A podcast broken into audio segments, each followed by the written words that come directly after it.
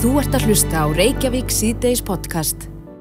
Það er ótt að segja að samfélagsmiðleitir hefði farið á hliðina út af uh, þessu svo kallaða píptesti. Já, ég er aðeins búin að vera að fylgjast með í dag svona umræðinu sem hefur átt sér stað og, og eins og með mörg svona hitamál og þá, þá virðist umræðinu um það hvort að það er að banna píptesti eða ekki Mm -hmm. vera svolítið annarkvort eða svimur eru bara algjörlega á því að þeir haldið svo áfram og hinnir eru bara algjörlega á móti því að, að þessi próf séu framkvæmt Mhm. Ég man vel eftir þessum prófum þetta er, þetta er bara svona verið að er það ekki kanna hversu þetta er svona úthald er það ekki Þetta er ákveðið mæling. mm Já. En uh, sko uppafið þessu var bref sem að Salve Nordal, umbásmaður barna, sendi barnamálar á þeirra, ásmætti einari. Það sem að hún lagði til að það er hægt að framkvæma þessi píptest í, í skólum á unlingastíð. meðal annars uh, vegna þess að það getur verið kvíðavaldandi Mhm. fyrir börn að keppa við klukkuna Já.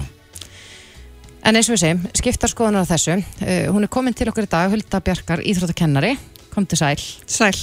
Já, við rættum nú það saman í dag Hulda og þú sagði mér að það væri nú svona mikil umræða að eiga sér stað innan ykkar raða Já, það er búið að vera á Facebook í dag. Við erum með svona lokaðar grúpur þar sem að íþróttakennar á Íslandi hafa verið að ræða aðeins málinn í dag.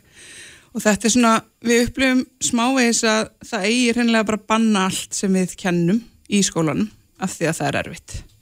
Það er ekki langt síðan að sund umræðan var á svipuðstígi, nokkri mánuði síðan. Og hérna, þannig að það fór allt á hliðina í dag þegar, þegar þetta kom upp að það ætti bara að banna pítistið og það er alltaf svolítið varhugavert finnst mér að banna hlutina. Og okkur er kannski ekki gefið svigrum og okkur er ekki gefið kredit fyrir það að við séum að vinna faglegt starf af því að sko börn sem glíma við kvíða við, ég, ég tristi mig til að segja sem fagmaður, við mætum þeim að sjálfsög, við erum ekki að draga neitt á hárinu áfram eftir gólfinu. Mm ef það er einhver sem er raunverulega kvíða fyrir því að framkvæma þetta píptest þá er svo nefandi sjálfsög ekki fara að gera það.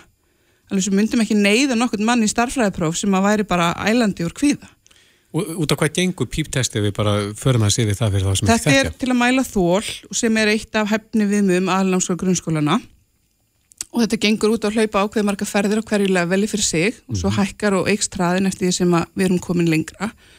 Uh, og þetta er bara fín mæli eining fyrir þól uh, það er alls ekkit allir skólar sem nota þetta ennþá. Og, og það gleymist líka í umræðinni að við höfum líka þróast sem fagstjætt þetta er bara fínt próf, þetta er bara staðla próf og það mælir, allir sitja við saman borð og mælir alla eins. Um, en það eru fleiri próf eins og kúpertesti, það er skokkpróf og það er, það er alls konar hlaupapróf sem við notum.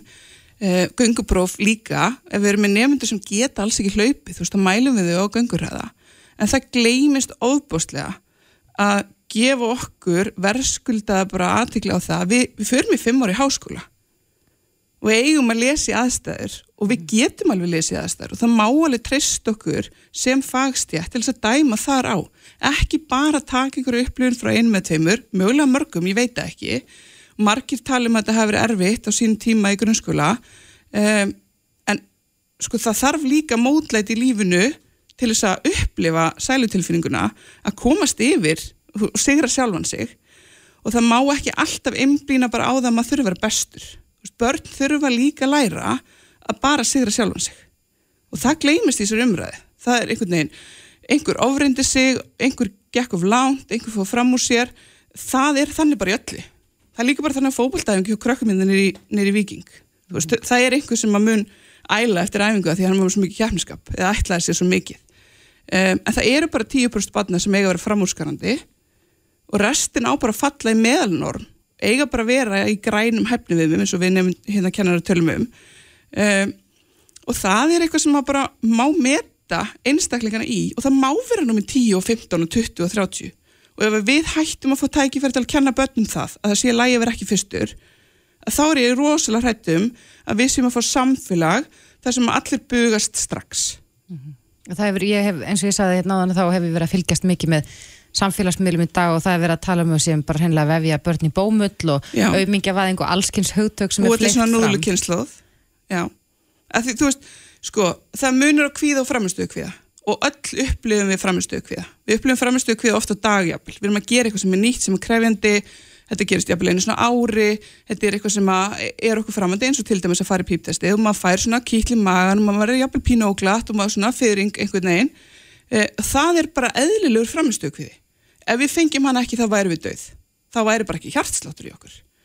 En það að fá hann og þekkja búðin um að hann sé að koma og það sé jafnvel einhver sælu tilfinning og endorfin að koma á eftir þegar við erum búin að yfirstiga erfileikana að við, við erum að ræna börnin af þeim tækifærum að upplifa þessa sælu tilfinningu ef við ætlum að taka allt sem er erfitt í burtu. En þú sagðir að það hefði sprottið upp mikil umræða meðal íþróttakennara á samfélagsmiðlunum. Hvað, hvað segja menn í dag? Sko aðalega kannski þetta okkur sé ekki treyst til þess að meta aðstöður. Við erum bara einhvern veginn öll alltaf sett í eitthvað svona fast form eins og einhver risaðlur og það sé bara allir með einhver svona heræfingar í íþróttum. Þetta sé bara einhvern veginn svona voðalega brútalt og erfitt og hræðilegt allt saman en það er bara ekki draunin. Þú veist, bara skólanir inn í kringum staðin sem við erum stödd á núna veist, ég er búin að heyra alls konar útfæslur af, af hlaupa og þólprófum hér í þessu hverfi í dag það sem er til dæmis bara í einum hverfaskólanum hérna fyrsti bekkur skokkar í eina mínútu annar bekkur skokkar í tvær mínútur væri þá ekki eðlilega stigmagnandi að það væri alltaf læg til dæmis að taka píp til þar á úlingastíði það sem er búið að kenna þeim allan grunn í þess, þessari líðhilsu hreyfingu okkar en okkur er ekki gefið kredit fyrir það að við séum að vinna fælið starf. Mm. Er þið hissa á umbásmanni barna? Þetta er nú í annarskipti sem Já, að kemur fram. Já, ég er það. Ég er smá hissa á þessum svona, þessum rótæku orðum alltaf að vilja bara banna allt. Um, ég hefði haldið að umbásmanni barna væri að hugsa um heldina en ekki bara li, lítið skema af börnum sem upplifa kvíða. Af því það er, meina, við erum líka að taka þetta tækifæra frá fylgta börnum sem finnst þetta frábært bara gaman að fara í píptest og gaman að fara í þessu próf og ef að umbóðsum að batna treystir ekki okkur sem fagstið til þess að vinna vinnun okkar þá þarf hún kannski bara að ræða við ráðunitið sem að útskrifa okkar í góðri trúum að við getum unni vinnun okkar eftir fimm voru að ná það er nú ekki langt séðan þessu að breytta þessu breyttar á 2012 að við þyrtum að taka þessu auka tvö ár til þess að verða bara flott og öflug fagstjætt og mér veist þróunin í samfélaginu og þróunin í ráðunitunum, mér veist hún ekki hafa verið takt við það. En, en síðan hefur líka þetta verið mikið talað um að, að sko, við myndust á skólasöndi hérna mm -hmm. og það er orðið að vali í nýjönda og tíunda bekka eitthvað slikt og svo er við að tala um að taka þetta af e, og börn er að reyfa sig minna í dag en mm -hmm. þau gerðu áður. Er Já. það áhegju efni? Það er áhegju efni okkar, það er áhegju efni lækna og bara samfélagsins í heildina, þú veist að, að hérna, börn séu komin að verri stað heldur en það voru og það sem ég hef líka áhugjur af og við höfum áhugjur af er að er ald, þetta er aldrei gert í samráðu við okkur. Það er aldrei talað við okkur. Það, það var ekki rætt við neitt íþróttakennara áður en að þetta var sett fram að þetta banna píptesti. Það var ekki rætt við neitt sundkennara um það að það gæti verið möguleiki að hætta skólasundi ólingastíði því við erum með bara sko fjöldan allar rökum ætlar að byggja batni sjöndabæk um að framkvæma björgunapróf á borði nefnda í tíundabæk og ætlast þess að standiða og hvar erum við þá búið til kviða því getur alveg sagt ykkur það að nefndi í sjöndabæk getur ekki synd með samfélaga í fötum 2500 björgunsund þannig að hann mun ekki standast hæfnir kröfur aðalnámskonunar og þar eru við búið til kviða þannig að hlutinni verðast vera settir fram, þeir eru vanhugsaðir, það er ekki rægt við fagsettina og við liggjum í þessum fræðum og veltumst í þessu hverjum degi. Mm -hmm. Og þetta er ekki skoðað. Nei.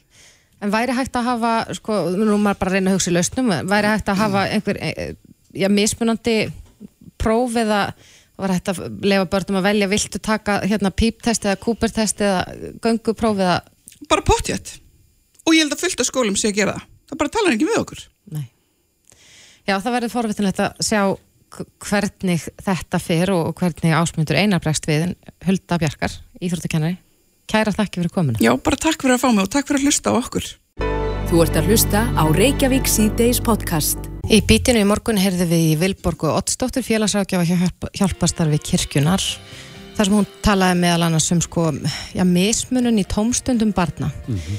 En á morgun fer fram eh, málþing sem ber heitið eh, höfum við efni á barnafátækt. Já og uh, það er velferðisjóður barna sem stendur að þessu og stjórnaformaðurinn Kári Stefansson er mættu til okkar. Velkomin Kári. Takk, takk. Já, hvað ætlið að reyna að leiða fram á morgun? á þessu þingi? Við ætlum að reyna að komast að umræðu um stað batna í íslensku samfélagi og beina sjónum okkar eins og við gerum djarnan hjá velfæðasjóði batna á Íslandi að þeim börnum sem að eiga svolítið undir högg að sætja.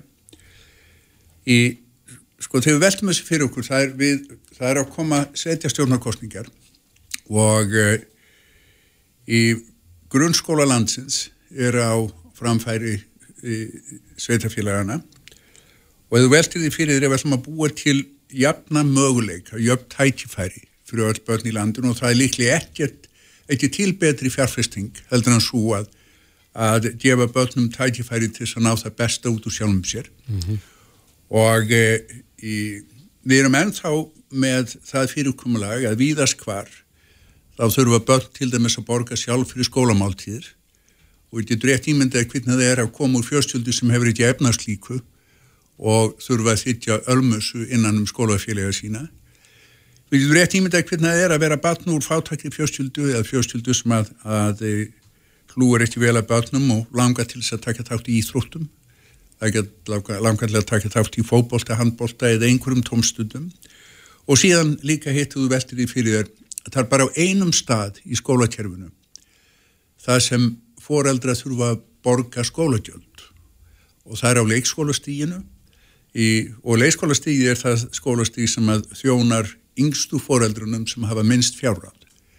Þannig að mér finnst personlega eins og, og eða, mín von er svo okkur tættist að að koma málöfnum batna í umbræðuna fyrir sveitustjórnarkostningar og til dæmis mér finnst personlega það verið miklu, miklu mikilvægara að byrja að fjárfesta betur í grunnskólunum í heldur en að að eigða nokkur hundruð miljardum í að búi til einhverja borgarlínu sem að ég náttúrulega fættur á fyrir helming síðustu aldar þannig að ég stíl eftir svona hurtak eins og, og borgarlínu en ég ímyndi ykkur hvað mætti gera við þetta fér til þess að hlúa þessum skólum þetta er tækið, grunnskólanir bjóð upp á það besta tækifæri sem til er í samfélaginu til þess að bara áhrifa örlög þessu fólks. Tökum sem dæmi leikskóla upp í Efra Breitholti. Það sem eru börn sem eru langt á eftir í málþróska. Og svo fer maður að veltaði fyrir sig hvað er málþrósti. Í málþrósti lítur að þróun á hæfileikanum til að geta hugsað. Tungumálið tæti sem við hugsaum með. Þannig hvernig börn sem að byrja á því að vera langt á eftir í málþróska og ef ekkert er gert í því þá halda því áfram að vera eftir á í málþróska og hvar heldur að þessi börn endi þá þegar þau fullornast, þegar enda á framfæri ríkisins á litlarhauðin eða einhver strannastæðar og kynni óskupunum stendur á því að, að við höfum eitthvað fundið hjá okkur löngun eða tækifæri eða getur til þess að, að að hlúa betur að börnum í íslensku samfélagi sem eigi undir haka sætja og um, Ég er ekki með þess að ég er ekki að gaggrína stjórnmálamenn, ég er að gaggrína okkur sem þjóð. Því að það er við sem tjósum fólk til þess að stjórna okkur á fjóra ára fresti og við höfum látið okkur þetta í léttu rúmi litja. Hefur þetta ekki verið á stefnusgrám þessar flokka fyrir sveitastjórnarkostningar hinga til? Ég hef ekki hugmyndum hvað hefur verið á stefnusgrám þessar flokka en við skulum orðað mest úr þannig að maður hefur ekki séð þess mikið merki í framkvæmdum mm -hmm. á, á síðustu tjórnumabílum. Mm -hmm.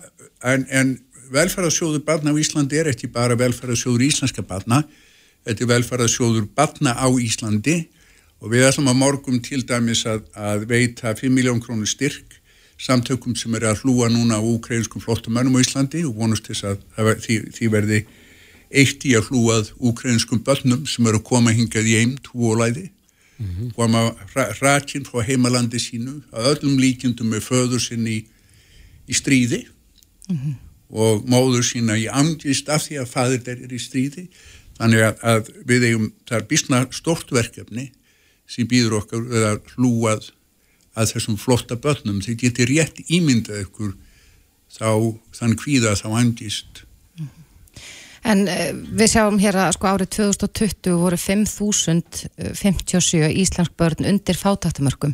Er, er við á pari við aðrar þjóðir sem við erum gjörna og ber okkur saman við eða stöndum við að verrað einhver leiti? Ég á erfitt með að metta þetta og það er mjög erfitt að að raunverulega bera, bregða mæli hvort að fá þetta barna því börna vel yfirleitt ekki tekjur svo getur ekki metið tekjur þeirra það er erfitt að aftast á því hvernig fátækt fóröldra verður eind barna og svo framins. Það eina sem við, við vitum er að það er ekki, sko, ef við hugsun bara um þessar, þessar einföldu formlegu hluti eins og skólamáltíðir, tomstundir, íþróttir, leiskóla og svo framins, þá erum við bara ekki að standa okkur nægilega vel. Þetta er ekki okkar samfélagi sæmaldi. Nei. Þú ætlar að kalla einhver að borðinu þarna um, um helgina?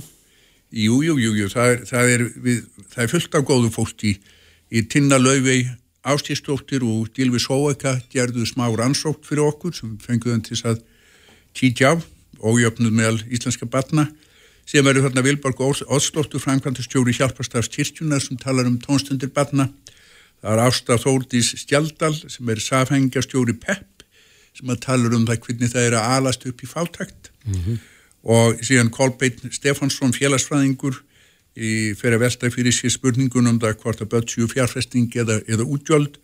Og síðan verðum við með pallborð þar sem að fórstisráð þeirra borgarstjóri í Rósa Guðbjörnstóttir bæjarstjóri í Hafnarfyrði og Tinna Lauvei ástíðstóttur hafræðingur koma tímaði sítja og um, á pallborði ræða ræða þetta málefni og mér finnst það mjög spennandi að fá Dag og Rósu og hafa fóstisráð þar með þeim.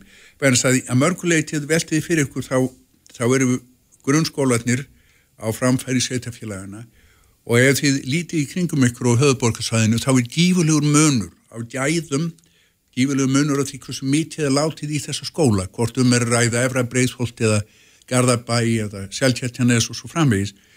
Þannig að manni finnst einhvern veginn eins og til þess að búa til samnefnara í grunnskólakerfi þá ætti það að vera framfæri ríksins. Ef það er einhvað sem er nægilega mikilvægt, hefur nægilega mikilvægt áhrif á framtíð þessar þjóðar, þá er það grunnskólakerfi og hvernig við hlúum að því. Mm -hmm. En þið ætli með þessum málþingi að reyna að varpa ljósi á stöðuna eins og nér og, og kannski að, að, að spyrja þessar spurninga hvað hvað myndi kosta að losa öll börn á Íslandi undan fjára ságjum? Erstu vongóður að það fáið svör við þessum spurningum? Nei, ég er ekki sérstaklega vongóður og ég er ekki sérstaklega vongóður um okkur tætist að, að varpa mjög stjæru ljósi á þessum málun en ég er, ég er að vonast þess að við getum komið umræðina stað að menn átti sig á því að það sem stiftir raunverulega málið þegar við horfum til framtíðar er eftir borgarlína eða eftir borgarlína heldur hvernig við hlúum að þessum að börnum sem eru framtíð þessara þjóðar það er ekkert mikilvægra sem við getum fjárfæst í heldur en þessi börn mm -hmm. og, og um, ekkert fallegra sem við getum gert Nei. en að sjá til þess að það sé betur búið að börnum í íslensku samfélagi Og þetta er hárið eftir tímið, það styrtist í kostningar Já, það, tíminn líður alltaf Já. þannig að ég get lofaður því að þú er rétt fyrir þér, þú segir að það lengist ekki kostningar, heldur stýttist, það gerist alltaf þannig. Akkurat. Kári Stefánsson, stjórnaformað velferðarsjóðs barna. Kæra takkir. Þetta er Reykjavík C-Days podcast. Í dag bárust fréttir af því að Sælabankin skoði að gefa út íslenska rafkrónu. Þetta er, Já, þetta er fréttir. Svo spurning, hvað er rafkróna? Akkurat. Er það eitthvað annað heldur en bara er á uh, debitkortun okkar? Það er spurning. En Sælabankin er núna búin að skeipa vinnuóp til að skoða hvort að tilöfni sé til að bankin gefi út slíka mynd til mm. almennra nota. Já. Hugmyndin er ennþá frumsti í sangat fréttum dagsins í dag en, en við erum forvitin að vita út á hvað þetta snýst og fengum þess vegna til okkar sérfræðing í rafmyndum. Kristján Ingi Mikkelsson, kom til sæl. Takk fyrir að fá mig í þáttinn. Já, er, er þetta rafmynd? Er rafkrónaða sama og bara bitcoin? Í rauninni ekki. Að rafmynd er eitthvað sem er gefið út af öðrum aðeins en sælabanka og sælabankar er rauninni að horfa á að gefa út Central Bank Digital Currency eða pening sem er miðlað yfir tækniform sem er sama form og er nota í, í rafmyndum. Sælabankin hérna á Íslandi er núna stíga mjög flott skref og mjög jákvæmt að sé loksins verið að gera þetta á formlegan hátt. Eh, þau sem að hafa verið í þessum geira meir en eitt vetur mun eftir því að 2018 gaf Sælabankin út kvítbók eða serrit um rafkrónu, hvernig það getur litið út. Og í rauninni eins og heimurinn er í dag að þá er mjög mikið verið að kalla eftir því að peningarnir okkar verði meira rafrannir en svo myndist á einni einslæginu að, peningar sem við eigum núna í okkar uh, kortum og böngum og annað, mm -hmm. þetta er ekki beitt Sælabankarpeningur það sem við eigum er skuld eða eign á móti einhverju stopnun ef að ég á pening í gegnum greiðslikorti á valitor þá skuldar valitor með pening eða ég skuldar þeim pening þannig ég er aldrei að borga ykkur eiginlega krónur. Og núningurinn í þessu kerfi er náttúrulega orðin mikill þó hann virki og, og allt, allt slíkt en, en bara svona bóðleirnar fyrir okkur sem einstaklinga til að til að tjá okkur á 2001. öldinni er ekkert bóðlegar með þessum leiðin sem hafa verið farnar hinga til. Hver, hver er munurinn þá á því að borga með debitkorti og búa til skuld mm -hmm. eða greiða með eh, rafkrónu? Akkurat og þetta er kannski svona helsta ádilmáli að tæknilega er þetta mjög geranlegt að í rauninni Sælabankin gæti gert þetta nánast á morgun, mm -hmm. tæknilega séð en vandamálin eru þarna hvernig er peningur og hver hefur aðganga peningum að okkar peningur er geimtur í böngum og Sæðlabankin stendur og baka alla banka á Íslandi og, og verð þá falli. Þannig að okkar peningar eru ekki Sæðlabanka peningar, heldur eru, eru það peningar gegnum bankakerfi.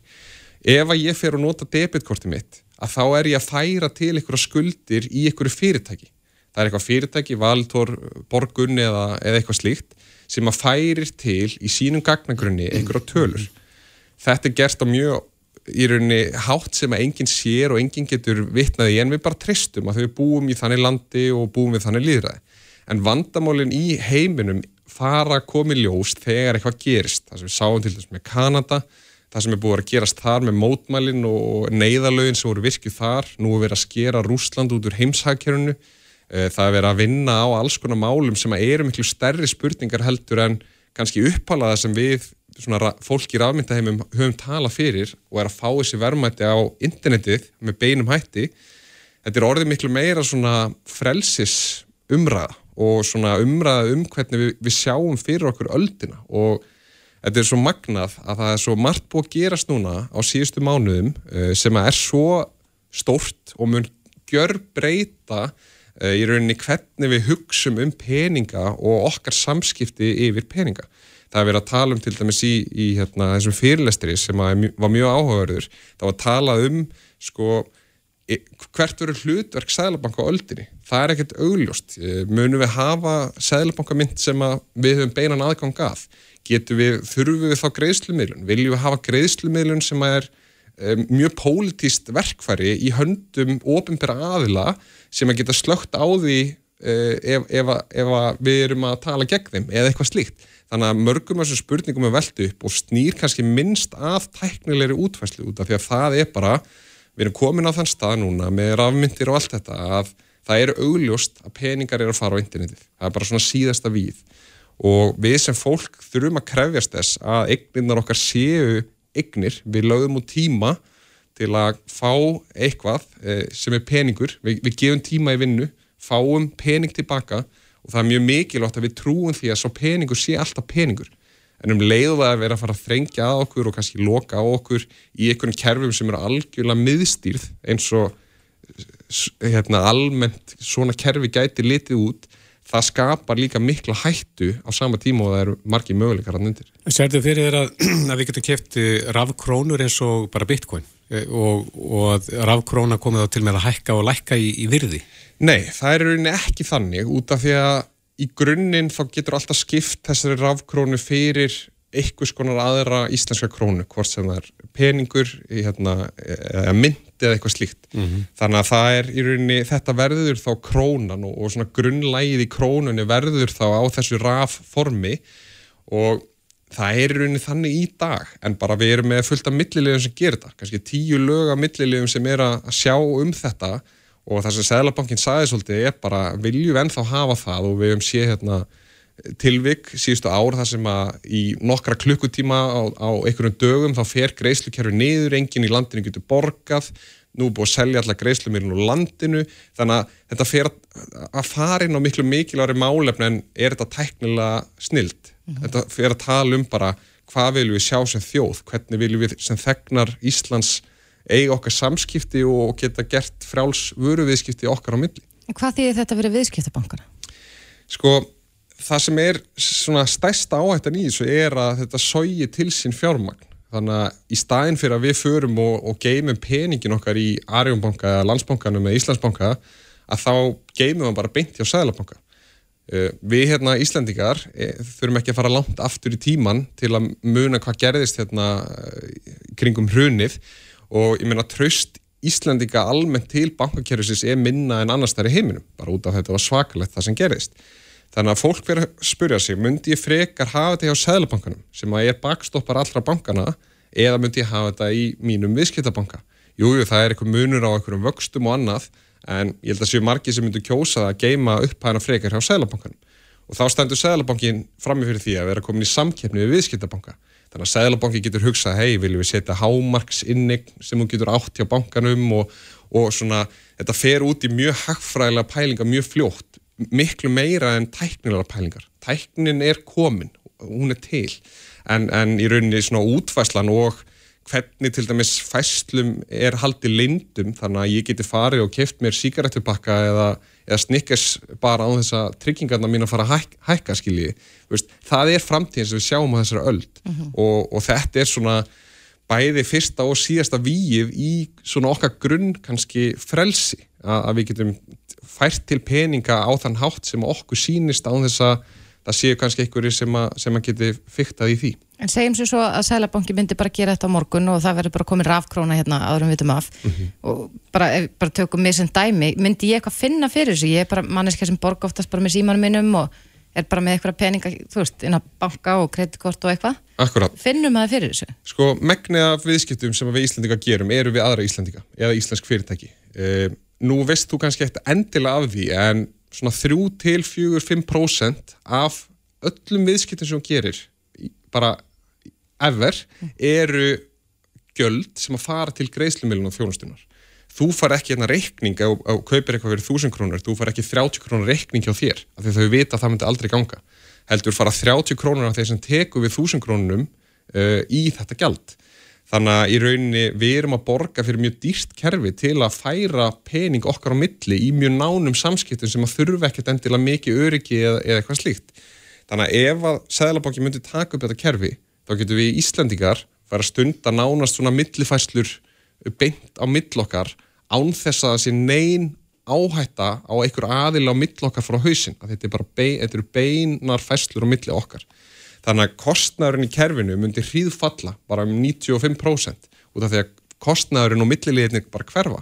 Þannig að við stöndum þá eftir með kerfi sem er þá þannig að við þurfum ekki að borga 35% sem má benda á er, er eiginlega bara hagvöxtur þjóðarnar, svona meðal hagvöxtur sem við erum að borga inn í kerfi sem er að verja okkur fyrir svindli og annað sem er aðalega gerast í útlöndum. Hver er svitna núna við þessa frétti þá? Sko, aðalar sem svitna eru aðalar sem eru að búa til núning í núverandi kerfi. Það eru aðalar sem eru í greiðslumilun, eh, það eru viðskiptabankarnir og aðrir út af því að það er að breytast. Við munum ekki á tækni öld sætt okkur við það að vera að borga mörg prósent af peningunum okkar til að færa eitthvað til sem er nánast eins og að senda e-mail og á ekki að kosta neitt. Það kostar ekkert að færa til pening. Þetta er bara út af því að kerfið er svo eftir á tæknilega að við erum kannski með tíu aðila sem er að breyta einhvern skuldafæslum innbyrðis og, og þess vegna er þetta svona dýrt. Þannig að núningnum mun vera eitt og það er ekkert eitthvað sæðlabanka myndi eða eitthvað annað heldur mun bara krafa neytind að vera svo á tæknöldinni. Þannig að sæðlabankar geta stíðarninn og lista, engaðala geta stíðarninn og lista og það er í rauninni bara svona ákall okkar sem einstaklinga. Við eigum ekki að vera að borga 35% á okkar fjö í eitthvað hérna, að miðla peningum okkar á milli. Það er bara, það er bara skrítið ef þú spyrir mig. Akkurat, já, þetta er, er áhugavert og verður gaman að fylgjast með því hvernig uh, eh, Sælabankin mun taka á þessu. Kristján Ingi Mikalsson, sérfræðingur í rafmyndum. Takk kærlega fyrir kominu og góða helgi. Takk fyrir það. Þetta er Reykjavík C-Days podcast. Reykjavík C-Days klukkan var að ganga sjö. Uh, við rættum þetta fyrir í dag um uh, þessi svo kallið píptest mm -hmm. sem að umbásmaður barna vil að grunnskólanir hætti að framkvæða og við spyrjum um það núna um helgina. Já, það verður gaman að sjá hver skoðun landans er á þessu máli. Já, eiga grunnskólar að hætta svo kvöldum píptestum, er spurningin. Akkurat, en nú er að koma helgi, það er förstu dagur og, og á sunnudaginn þá fara Óskarsverlunin eða Óskarsverluna háttíðin fer fram. Já. Í beitinu útsendingu ástöðu 2 og uh, við vorum auðvitað mjög svegt hérna fyrir stuttu síðan þegar við komumst að því að dýrið sem var okkar framlag til hátíðarinnar uh, já, var ekki valið Einmitt, það hefði verið mjög skemmtilegt mjög. en hins vegar eru frábærar myndir og frá, frábærir leikar og leikkonur og, og tökufólk og bara allt saman, mm -hmm. þarna Þetta er uppstýru hátíð Hollywood, svo sannarlega, og fleiri.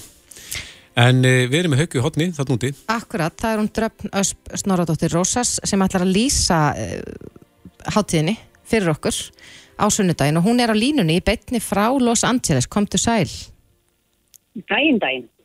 Já, eh, hvernig er, er, er titringur í borginni yfir þessum, uh, þessum hátíðarhöldum? Já, já, það er rosa mikið gleði og það er rosa mikið að partíum og það er svona svolítið bara gamli góði Hollywood glamurinn er komin svolítið komin í góðan gýr, ekki komin í fymta, ég held að séum í svona þriðja út af því að náttúrulega bara COVID hefur svo aldrei lagt sko, lagt, uh, já ekki, ekki, það er engin orðið, það er ekki nægja samlega sko rústaði þessu í síðustu svona tvö ár í raun og veru og engin partí og svona frekar lágstemt stemning í kringum og mjög lítill óskar í fyrra, mjög takmarka bóðið og alls konar svoleiðis og, og það eru svona einu eftirbátarnir sem maður sér kannski í fljótu er að það er möguleikja kannski minni kvikmyndir með, með góð handrið, það er ekki kannski komist í framleiðslu út af því að COVID náttúrulega setur svo ábúslega mikið stryk í reikningin en það eru tíu myndir tilnæmdar og það eru partí út um alla bæ og allir, allir gýraðir alveg í svakastuði sko, borgin yðar. Er hvaða myndir eru tilnefndar í ár?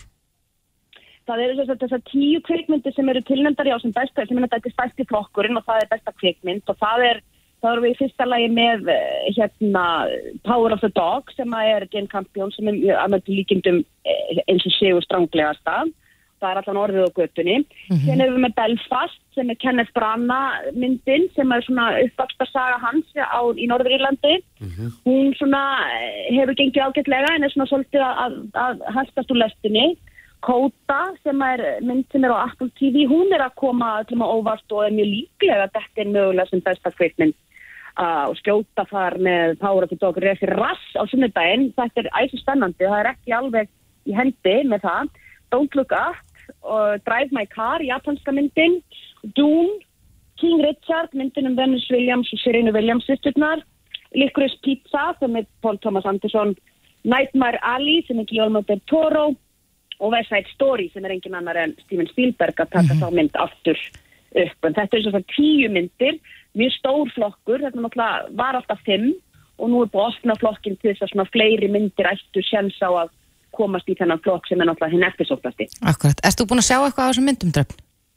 Allar. Allar, ok, og uh, hvað, hver er þín uppáhalds?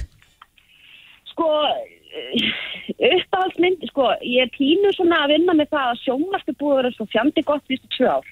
Að það er svolítið erfitt að kjærpast við að hafa alveg tíu tíma til þess að kynnast personu og taka utanum hana og kynnast henni og, og, og, og finnast hún ekki þetta og hitt og, þannig að svona, svona búin að vera að bera svolítið saman við kvikmyndir þannig að ég er mjög, mjög, mjög gaggrinnin en árið hefur bara verið gott og það er gríðarlega breytt í, þú veist, við erum með Side Story sem er söngleikur, þú veist með Power of the Dog sem er vestri, þú veist með Licorice Pizza sem er svona 70s gummilaði úr, úr Hollywood, síðan eftir með æfisögumynd um, um Serínu-sesturnar og uh, þú veist með Dune sem er sci-fi mynd til dæmis. Ég held að uppahaldi mitt sé Power of the Dog og Dune, það er mjög hrifin af þeim. Já. Skýtur á að þessar, þessar verði svona líklegasta til vinningsatna? Það eru náttúrulega, tilnefn, með flesta tilnefningar báðar þessar myndir eru með yfir tíu tilnefningar og mjög mikið að tæknilegu flokkum og slíkt sko, mm -hmm. dún á það eitt sem er svona, er, er svona sem að, sem að bransin er að segja að verði kannski þess að hún er ekki góð sem besta mynd er það að hún er, þetta er fyrsta myndin að þríleik, þannig að þið vitið þess að það var með Lord of the Rings á sínum tíma þó að það hefði verið geggjaðar þá, þá sagt, vann ekki fyrir, fyrir síðasta myndin tók dolluna þá mm -hmm. viti, þannig að það er svona svolítið verið að vinna með það enga síður er kona það sem er, er nei hún er Power of the Dog það er, það er tökumæðurinn er kona Ari Wegner og ef hún vinnur fyrir bestu kvinnatöku þá er það sögulegt Já, er það það fyrsta konan sem að vinnur Já, já, já. já En ef að renna þess í fljótutum yfir hinn að vinsælu flokkana sem er þá besti leikarin og, og svo besta leikonan ef við byrjum á. Já. Þannig að þar erum við með Javier Bardem fyrir uh, Being the Ricardos, uh, Benedict Cumberbatch fyrir Power of the Dog, Andrew Garfield fyrir Tick Tick Boom, Will Smith fyrir King Richards og Denzel Washington fyrir Tragedy of Macbeth. Hver er sigur stránglegastur þar? Þarna, og bæ, bærin hérna og þeir sem ég hlusta á og sérfræðingar og podcast og, og öll, öll treyt tímaritinn skjóta allir á að þetta sé árið hans Will Smith Jáhá. fyrir King Richard. Það er. Hef, hann hefur ekki unni áður eða hvað? Hann hefur ekki unni áður en hann, hann, hann var hlundfærin af Ali Mhm. og allir hefur átt að vinna, hann hefði að vinna þá sko, það er svolítið síðan að það var, þannig að hann var svona, Denzel Washington náttúrulega hefur unni tvísvar, hann vann fyrir Training Day 2002 og svo vann hann fyrir Glory 1990 en það var ég eitthvað hlutverki. Uh, Benedict Cumberbatch á heilmikið inni, hann náttúrulega var tilnæmdur fyrir The Imitation Game og Javier Bardem líka og Andrew Garfield gæti komið ávast því að það er smá svona undiralda með Andrew Garfield í þessari mynd. En besta leikkona í aðalhutverki, þá erum við með eh, Jessica Chastain fyrir The Eyes of Tammy Faye, sem er æfisaga, Olivia Colman fyrir Lost Daughter, uh, Penelope Cruz fyrir Parallel Mothers, Almodovar minn, Nicole Kidman fyrir Being the Ricardos og Kristen Stewart fyrir Spencer, þarna Díuna prinsessu myndina. Og bærin hérna veðir á Jessica Chastain því að hún sé svona, akademían sé hrifin af henni, það er komin, komin tími til að hún vinni, hún hefur verið tilnæmt nokkru sinnum og akademían er mjög hrifin af þegar að fólk er svona rosalega umbreyting á fólki, eins og þeir munið þessu Charlie Theron í Monster, þú veist, bætt á sig fullt af kílóum og var svona frekar, frekar óhugulega alla myndina og það svona, þú veist, hún er alltaf, Hollywood er alltaf mjög hrifin af að sjá einhver svona rosalega svona ferðalag með, með, með listamanninum sko. Og, og hún náttúrulega er þarna alveg í svakalegri hún er yngu alla myndina og ég held hún sé einna líklegust sko. Það Þetta er allt mjög sem En, en sko Já. dröfni þykist vita það að, að þú fylgist líka verulega með, með vel með hérna rauðadreglinum og, og betur.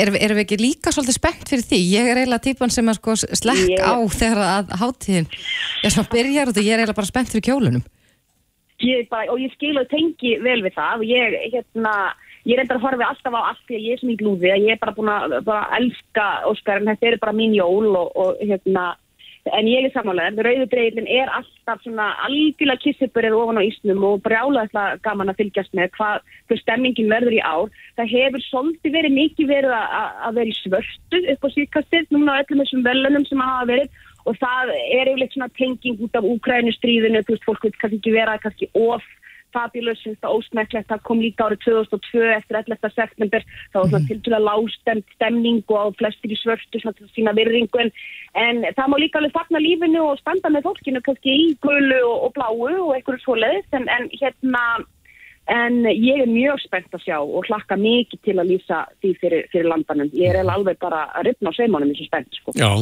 gott að heyra. Hvenar byrjar Veislan? Herðu, veistlan á stöð 2, klukkan 11, sunnundaskvöld og við verðum þarna bara í marathon út, bara útsendingu. Ég býst við ykkur sex tíma, sko. Ég bara, ég bara þarna þjálfa kjálkana og, og, og bara smjöð. Það var ekki það sem að Úlfurinn gerði í, í rauðhættu Úlfurinn til þess að vera með rödd. eða? Akkurat, þú veist aldrei búin að uh, þjálfa kjálkana eins hér og við þökkum kærlega fyrir. Dröfn Ösp Rósas, uh, Snorradóttir Rósas kærar þakki fyrir þetta og bestu kveður til LA Sömur leiðir. Reykjavík síðdeis á Bilginni podcast. Við fylgdumst vel með fyrstu þáttaröðu af fyrsta blikinu Heldur betur. Ég var með svona stjórnir í augunum allan tíman sem ég horfði út í. Ég hef svo gaman af því að horfa á eitthvað svona sjónvarpsefni sem er lætið mér hennilega bara líða vel Já. og þetta var svolítið þannig. Stundun leið manni svona pínu kjánó. Já, já. Þetta er pínu kjánulegt að vera svona fylgjast með tilhjóðlífi fólks í bytni. En málið er það að þetta var svo fjölbreytt. Þetta voru svo fjölbreytta persónur sem að voru þarna í þessum þáttum. Akkurat. En í kvöld, Já. þá hefst önnur serja og Ásanina Pétursdóttir, þáttarstjórnandi, er komin til okkar, kom til sæl. Komið sæl og blessu, takk fyrir að fá mig. Já, er titringur fyrir kvöldinu? Ég ætla ekki að neyta því, sko. Ég er bara smá stressið. Eftir, ég er spennt, en ég er líka eitthvað stressið. Er þetta svona eins og við sáum í fyrir þáttaröðinni? E, sko, já, þetta er svipað, en þetta er samt svona, það er smá meiri djús. Ok. Það er svona, við förum aðeins dýbra og við, þetta er aðeins meira. Já.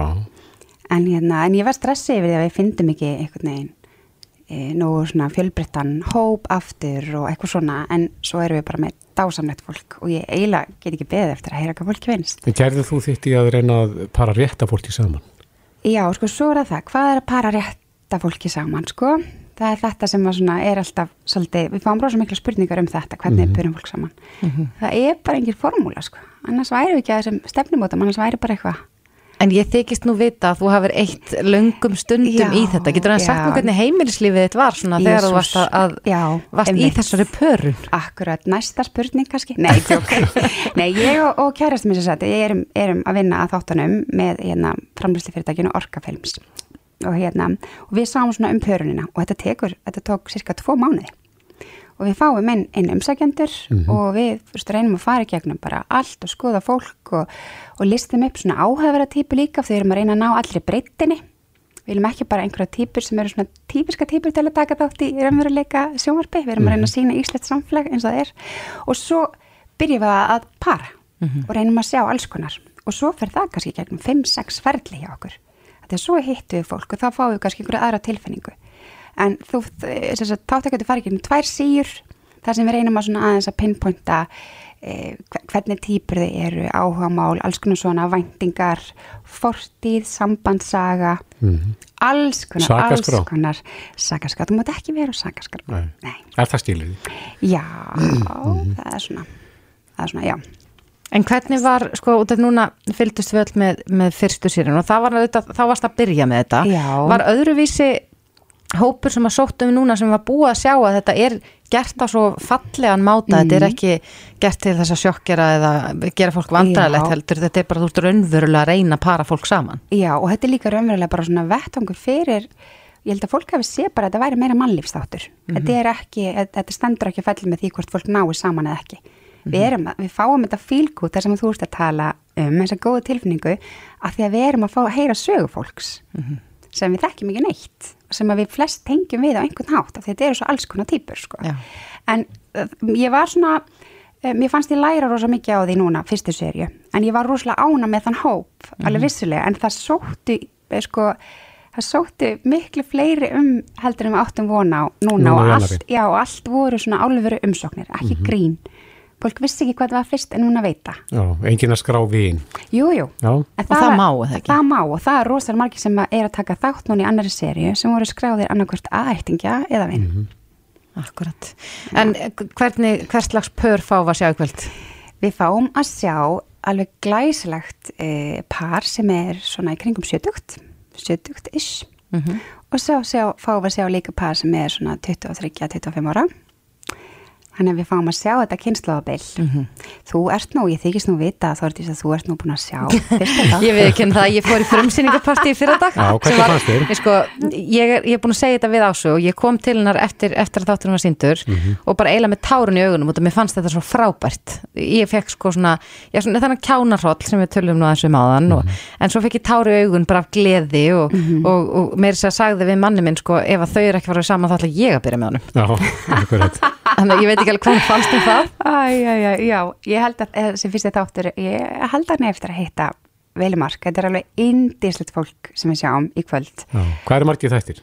Það eru átta þættir, 16 pör hérna, og við erum að leggja til dæmis rosalega mikið eins og það sem kom okkur óvart síðast hvað fólk tók mikið til tónlistinni af því að tónlistin hún ítir undir tilfinningar og ítir undir alla upplifin og allt þetta og það er cirka svona 40 lög í hverjum þætti og núna ákveðum við að sva, svara hérna, þessari eftirspurn og erum að gera playlista núna á Spotify sem er hægt að finna undir fyrsta blikið Þannig að þegar maður er búin að horfa þáttur þá getur maður Já. endur upplifaðan í Já, en gegnum þú getur raunin núna fyndi öll lögin í, hérna fyrsta þættinum ef þú fer hann á Spotify Já, Þannig að hérna en þetta hefst í kvöld þetta hefst í klukkan kvöld. 18.55, það Já. er bara eftir smá stund Það er þannig að við stund. fólk til þess að- að stilla yfir á stöðu 2 og fylgjast með annari þáttur eða fyrsta blikinu. Ekki spurning. Ásanina, kæra þætti fyrir komuna. Takk En áður en að fyrsti þátturinn af annari þáttur eða fyrsta blikinu fyrir lofti þá Mhm. ætlum við að sjá og heyra fréttir sem að byrja hér eftir skammastund á bylginni.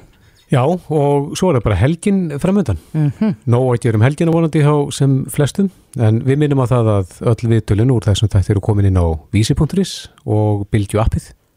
En við ætlum að sjálfsögða að vera aftur hér á mánudaginn. Já, Þórdís Brægi og Kristófer, þakka fyrir samfélgina í dag og þessa viku. Góða helgi!